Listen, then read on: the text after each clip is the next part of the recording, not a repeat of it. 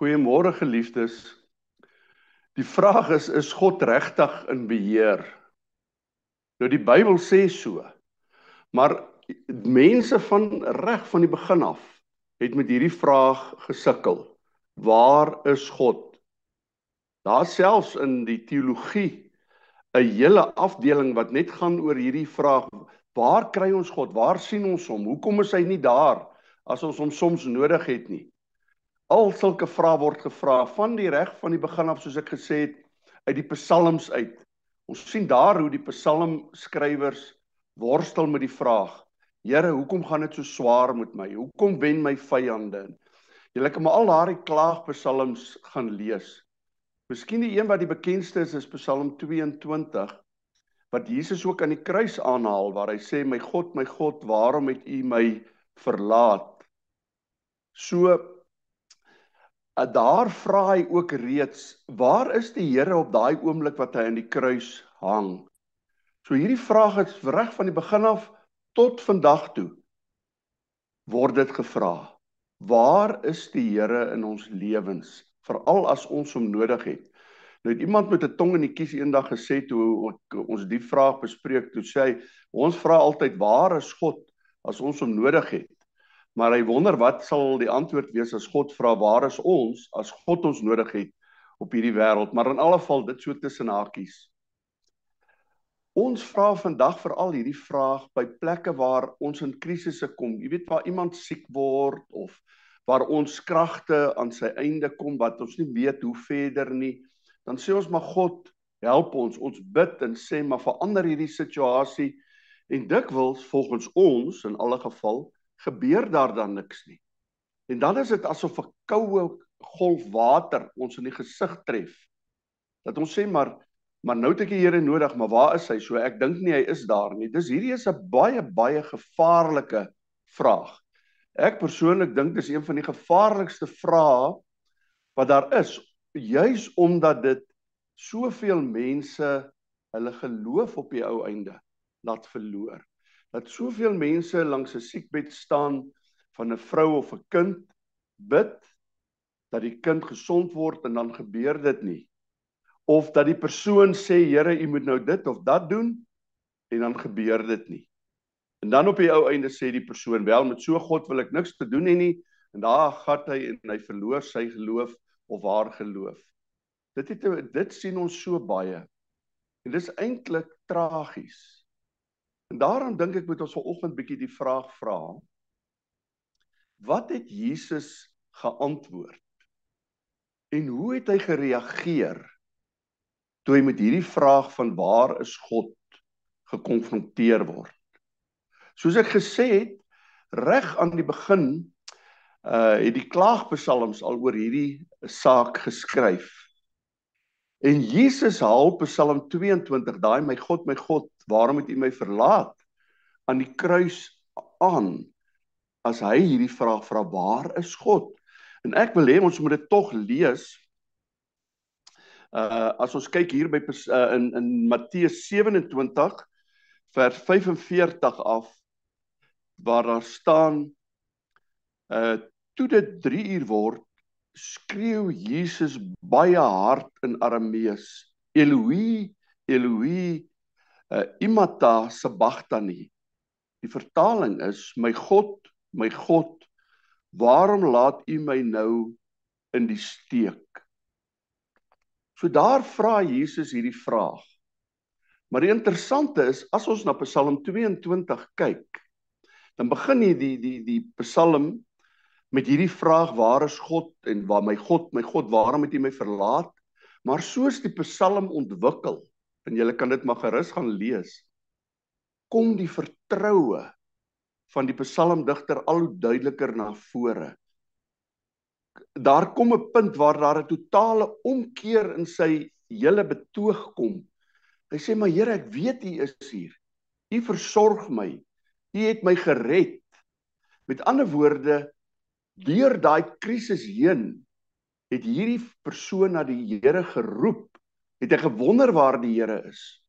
Maar toe hy 'n bietjie langer uithou, het hy uiteindelik ontdek die Here is daar. Die Here is in beheer. Die Here is by hom. En daarom lyk dit nie vir my toevallig dat die Here juis hierdie woorde aanhaal om te sê op daai oomblik aan die kruis het hy so verlate alleen gevoel dat hy ook begin wonder het waar is die Here? En uiteindelik het hy ontdek sy hemelse Vader leef.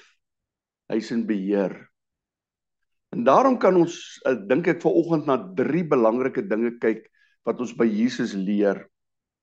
En die eerste ding wat ons by hom leer is dat ons nooit die beheer van God moet heg aan hoe goed dit met ons gaan nie. Die Here se beheer oor hierdie wêreld is nie gelykstaande aan net goed gaan nie. Net doen wat ek wil, net my versorg dat dit alles volgens my wil gaan nie. So werk dit nie. Want Jesus het die werklikheid geken. Hy het geweet in hierdie wêreld is God in beheer. Kom ons lees Openbaring 4 hoe hy dit stel. As hy sê God is in beheer, as as die as hy dit openbaar aan die uh, aan die uh, skrywer van die Openbaringbrief, dan skryf hy toe kyk ek toe hy so in die hemel instap. Daar was 'n koninklike troon in die hemel en op die troon het iemand, dis nou God, gesit. Hy wat daar sit, het se voorkoms het so helder geglinster soos die uh, kosbare edelstene, jaspis en karnieul. Daar was ook 'n reënboog met 'n helder lig reg rondom die troon. Dit het helder geskyn soos smarag en dan sê hy die daar was al die mense en die engele en die heersers het daar rondom Jesus gestaan na die ouderlinge en uh daar staan dan aanbid hulle hom wat leef vir ewigheid Hulle haal hulle uh, krone af en sit dit neer voor die troon. Met ander woorde, die heerskappy lê voor God se troon. En dan sê hulle: U alleen is ons Here en ons God. U alleen is werd om al die lof en eer en die krag te ontvang, want U het alles gemaak. Omdat dit U wil is, het alles ontstaan alles is deur U geskep. Nou is interessant dat hierdie woorde in Openbaring voorkom. God is in beheer. Alle lof kom hom toe. Maar as ons bietjie in Openbaring begin rondblaai, dan kom ons agter dat die bose, die duiwel, die Satan, die die die slegte magte 'n realiteit is. Baie van ons voel vreeslik geleerd vandag as ons sê ag, maar die duiwel bestaan nie, die bose bestaan nie, maar kyk maar net rondom jou, sê Openbaring. Daar is oral pogings om hierdie wêreld van God af weg te skeur. Om sy lewe wat hy gegee het, sy goedheid wat hy in hierdie wêreld geplaas het, sy natuur, noem maar al hierdie dinge op wat hy geskep het om daardie dinge te vernietig en veral om die gelowiges aan te val. Openbaring is eintlik 'n oorlogsboek waarin daar staan dat die bose konstant so soldate wat wat die gelowiges wil doodmaak, wil uitwis, wil breek wat konstant daarmee besig is. Nou moet ons onsself vra as dit die realiteit is. Hoe kan ons dan verwag dat dit net altyd moet goed gaan? Nou kan ons dadelik terugroep en sê ja, maar die Here is in beheer. Maar dan moet ons die les van Openbaring leer. Ons het gesien hier in Openbaring 4 God is in beheer. Daar's geen twyfel daaroor nie. Hy sit op die troon. Maar in hierdie wêreld word hierdie hele gebeure van God wat op die troon sit stadig gaan ontvou totdat die bose totaal vernietig is. En voor dit gebeur is die bose nog konstant besig om ons aan te val, om God aan te val om sy mense te preer vernietig. Regkry gaan hy dit op die einde nie. Dis sê Openbaring vir ons, is dit regtig soos 'n oorlog. Nou weet ons uit 'n oorlog uit is daar skermutselinge. Hier in 'n dorpie word daar geskiet en daar word daar geskiet en en so aan op verskillende plekke. So daar's skermutselinge. En so sê die uh, uh, Openbaring, gaan dit vandag in hierdie wêreld met die bose.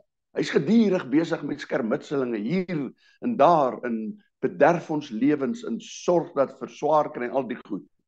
Maar uiteindelik die groot veldslag. Die finale slag waar alles gewen word, waar God as uit as oorwinnaar na vore gaan tree. Dit kom aan die einde en God beloof ons dit dat Jesus gaan terugkeer. So ons moet ons oog hou sê Openbaring ook op Jesus en die nuwe Jerusalem wat deel van ons lewens gaan word.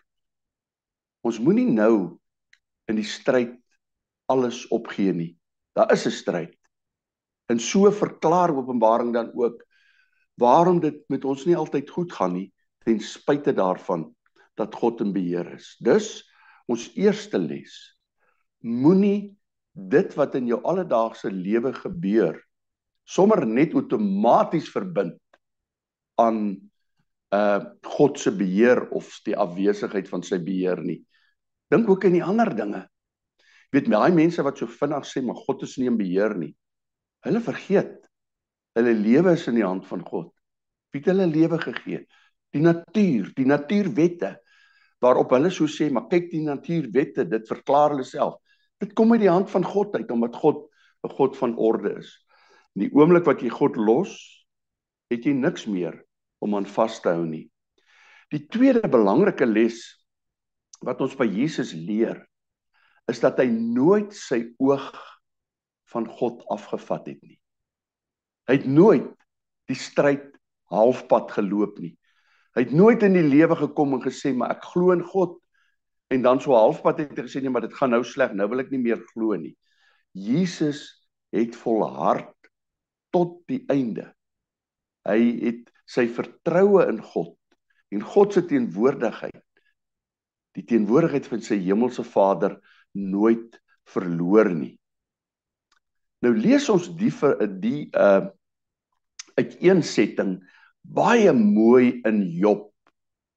Nou weet ons Job sê ons is altyd die lydende, die een wat so swaar gekry het. Maar as ons Job se verhaal mooi lees, sien ons is 'n heeltemal 'n ander boodskap. Want Job was baie ryk en hy het alles verloor. Maar daar staan in die begin die rede waarom hy alles verloor het was omdat die die duiwel God uitgedaag het en gesê het Job sal net getrou en goed bly as dit net met hom goed gaan, né? Ons vorige argument. Sodra dit met Job sleg gaan, gaan hy die Here los. Die Here het gesê nee. 'n Werklike gelowige loop die pad tyd en toe sê die duiwel vir God, kom ons kyk. Toe gaan dit met God, ag met Job baie sleg. En Job het gewonder en sy vriende het gekom en gesê, Job, los jou geloof. Vlo, uh, jy weet, vervloek jou lewe want jy het God teleurgestel en al die dinge. Maar Job wou nie. Hy het die vertroue deur daai swaar kry in God bly behou. En hy het uitgeroep na God en hy het gepraat met God tot God aan hom verskyn het.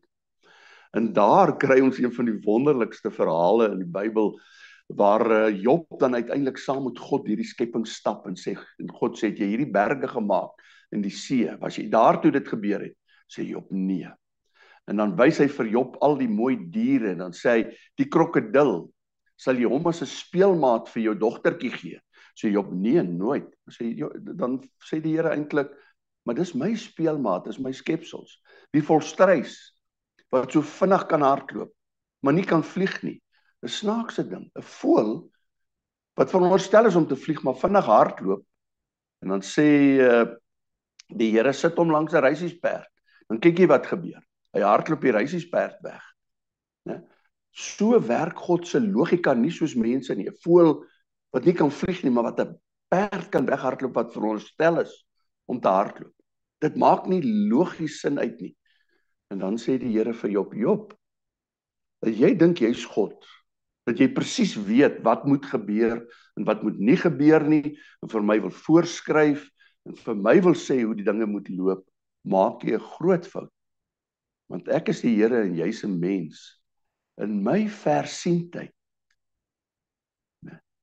Dit is anders as die van 'n mens. Ek kyk verder as julle. Ek weet meer as julle. Maar Job het dit geleer, die Here het hom lief. Die Here sal hom nooit los nie. Die Here sal bly luister na hom. Want hy kan leef uit die hand van die Here. Ook in sy swaar kry het die Here hom nooit gelos nie. Om een rede. Hy het die Here ook nie gelos nie. En daarom is 'n geheim as ons by hierdie vraag kom, is die Here in beheer van hierdie wêreld om te sê soms lyk dit nie so vir my nie. Soms loop dinge in my lewe verkeerd. Soms verstaan ek nie. Maar een ding weet ek. Ek kan op 'n God vertrou wat verder sien. Wat meer weet en wat my liefhet. En daarom is die derde ding wat baie belangrik is, wat ons ook uit die lewe van Jesus kan leer, is dit naamlik dat hy in en uit die hand van sy Vader geleef het. Met ander woorde, hy het geweet wie God is. Soos daai ou uh, liedjie sê, ek weet aan wie ek my toe vertrou het. Hy het geweet dat sy Vader vir hom dinge beloof het. Dat hy hoop het in die toekoms omdat God hom nooit in die steek sal laat nie.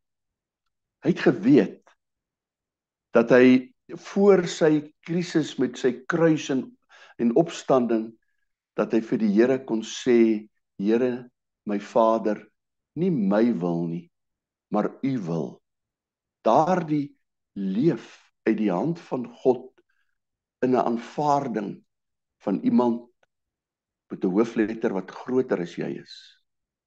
Maar en dis iets wat ons as gelowiges so baie vergeet. Maar ons moet ook leef uit God se beloftes vir die toekoms. Ons moet leef na die einddoel toe waar die Here gesê het ek kom julle haal. Die nuwe Jerusalem is julle sin. En daarom praat ons van die ewige lewe. Dis nie 'n lewe wat hier eindig nie. En daarom moet ons ook nie vroegtydig ons pad met God hier eindig nie. Ons moet bereid wees om die pad end uit te loop deur dik en dun. En dit staan so mooi geskryf in Hebreërs uh 12. Dis vir my een van die mooiste gedeeltes in die Bybel waar daar staan eintlik toe Jesus voor die kruis gestaan het en daai kruis gesien het, was daar nog niemand wat daai pad geloop het nie.